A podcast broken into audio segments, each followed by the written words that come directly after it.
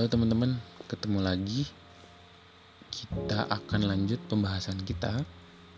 Dan di pertemuan ini kita akan membahas tentang otoritas dan kepercayaan. Di dalam agama, otoritas menempati posisi yang sangat penting.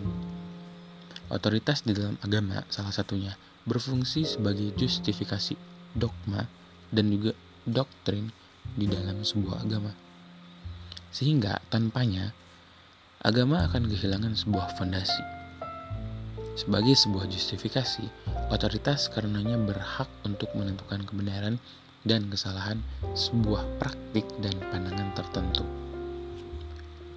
Dalam dunia yang lain, yakni filsafat, otoritas tidak begitu signifikan karena filsafat itu sendiri justru hadir sebagai pengkritik otoritas. Sejauh otoritas di sini dipahami sebagai sebuah subjek pelanggeng, misalnya sebuah tatanan atau tradisi.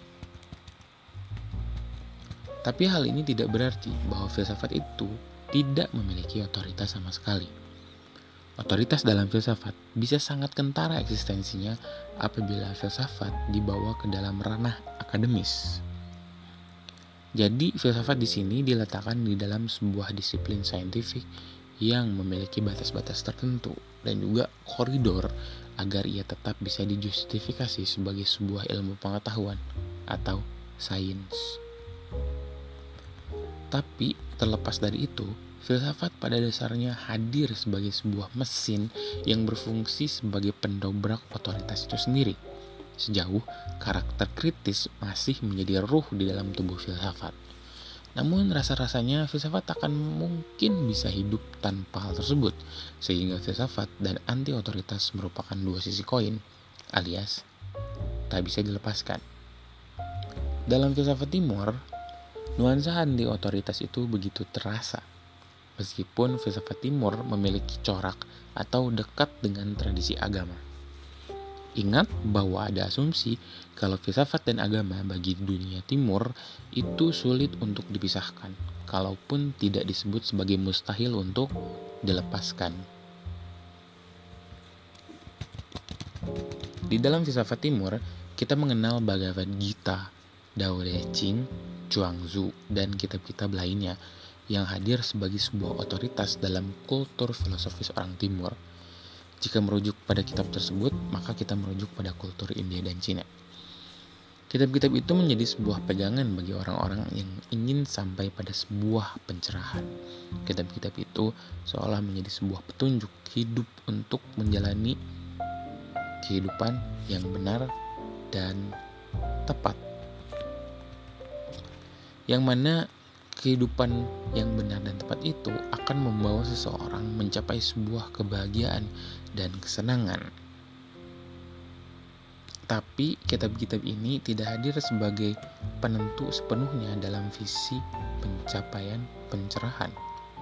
Tidak sebagaimana Bible atau Al-Quran yang menjadi sebuah otoritas penuh dalam menentukan kebenaran dan kesalahan. Kitab-kitab ini hadir sebagai sebuah medium sehingga karena ia hanya berfungsi sebagai sebuah medium, maka tingkat kesakralannya pun menurut Ray Billington dalam Understanding Eastern Philosophy tidak sampai pada level kitab suci sebagaimana yang kita kenal. Bagi orang-orang yang menganut sebuah mazhab tertentu, kitab-kitab tersebut hanya dianggap sebagai sebuah catatan kesaksian seseorang yang telah mencapai pengalaman pencerahan tertentu. Orang mengikuti dan menerapkan segala yang ada di dalam sebut saja kitab Dao De Ching dengan alasan karena Lao Tzu telah sampai pada sebuah ekstase dalam pengalaman kebersamaannya dengan Dao. Dan hal ini berarti bahwa orang lain pun sangat mungkin untuk meniru caranya meskipun dengan gayanya sendiri. Dengan demikian, kita bisa menyebut bahwa kitab-kitab itu hanya diposisikan sebagai sebuah guide sementara yang pada akhirnya akan dilampaui.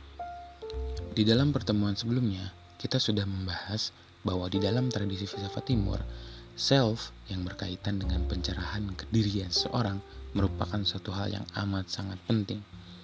Signifikansi self ini pun tak bisa dilepaskan dalam konteks pembicaraan kita kali ini.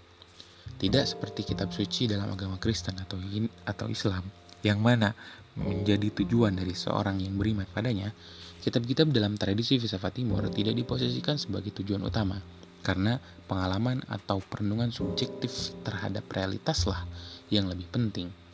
Tapi bukankah dalam agama pun demikian coraknya?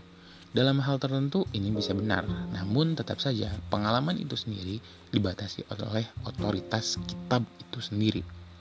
Namun, di dalam filsafat timur tidak demikian. Seseorang tidak dibatasi oleh Dao De Ching atau Bhagavad Gita di dalam pencarian spiritualnya. Pendek kata, kalaupun ada otoritas, diri atau self lah yang menjadi otoritas. Ketika orang ingin mencapai tahap nirvana, ia tak perlu merujuk pada kitab tertentu untuk menjustifikasi pengalamannya atas nirvana itu sendiri. Karena pengalaman atas nirvana itu sendiri bersifat subjektif, sehingga kita pun takkan bisa menjustifikasi pengalaman seseorang. Tapi bukankah hal ini problematis? Karena dari sini muncul sebuah pertanyaan Bagaimana kita bisa menjustifikasi bahwa pengalaman atas, ambil contoh, nirvana itu benar-benar pengalaman real nirvana? Billington menjelaskan, seorang bisa memverifikasi pengalamannya sejauh meliputi. Pertama, bahwa pengalamannya tidak bersifat selintas, tapi abadi. Kedua, pengalaman yang dialaminya setidaknya agak senada dengan apa yang dialami orang-orang lain, sehingga orang lain bisa menaruh simpati pada pengalaman tersebut, kalaupun tidak menaruh empati. Ketiga, bahwa orang yang mengalami pengalaman tersebut mesti cukup jujur atas pengalamannya sendiri. Yang menarik di dalam tradisi filsafat timur, kepercayaan atau iman menempati posisi yang signifikan. Namun, iman macam apa yang dimaksud di dalam filsafat timur? Apakah iman yang dimaksud di sini sama dengan iman sebagaimana yang kita kenal di dalam agama yang kita anut. Di dalam Hinduisme, sebagai sebuah filsafat, iman atau shrada merujuk pada kondisi pikiran seseorang yang walaupun belum mencapai moksha, tapi percaya bahwa mereka akan menemukannya, sebagaimana orang yang pernah mengalami pengalaman tersebut. Sehingga, iman atau kepercayaan berkaitan dengan kondisi psikologis atau sebuah daya dorong menuju pencerahan itu sendiri. Sebagai sebuah instrumen untuk mencapai pencerahan, filsafat di tangan filsuf timur karenanya mesti melibatkan iman di dalamnya. Setidaknya, iman di sini dimengerti sebagai sebuah komitmen pada sebuah kebenaran. Hal ini tentu senada dengan aktivitas berfilsafat itu sendiri yang mana melibatkan komitmen pada sebuah kebijaksanaan dalam bentuk mencintai kebijaksanaan itu sendiri. Di dalam Buddhisme, syarada atau iman merujuk pada sikap batin yang menyerah pada Sang Buddha. Komitmen ini berarti berani menyerahkan segenap kehidupan pada praktik meditasi dan usaha untuk mencapai nirvana. Lebih jauh, iman di dalam Buddhisme ini berarti sebuah upaya untuk senantiasa berada di dalam jalan pencarian kebenaran dan penyingkiran kepercayaan-kepercayaan palsu. Lalu, iman di dalam filsafat timur pun berkaitan dengan komitmen praksis atas kebenaran itu sendiri. Iman di sini dengan demikian bukan hanya sekedar mengafirmasi pesan kenabian atau pesan ketuhanan saja. Karena jika iman hanya dipahami sebatas demikian, maka iman itu sendiri tidak memiliki makna. Lebih jauh, iman tidak berurusan dengan kondisi ses kognisi seseorang saja. Dalam artian, patokan keberimanan seseorang tidak ditinjau dari seberapa banyak ayat yang dihafal, seberapa khatam pilar-pilar atau fondasi ajaran tertentu.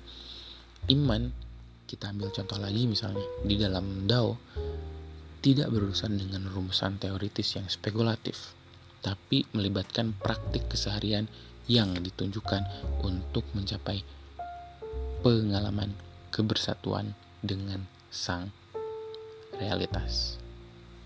Oke, barangkali itu saja teman-teman untuk memantik diskusi kita lebih jauh dan lebih detail kita akan diskusikan di Spoon atau di Google, di Google Classroom. Terima kasih.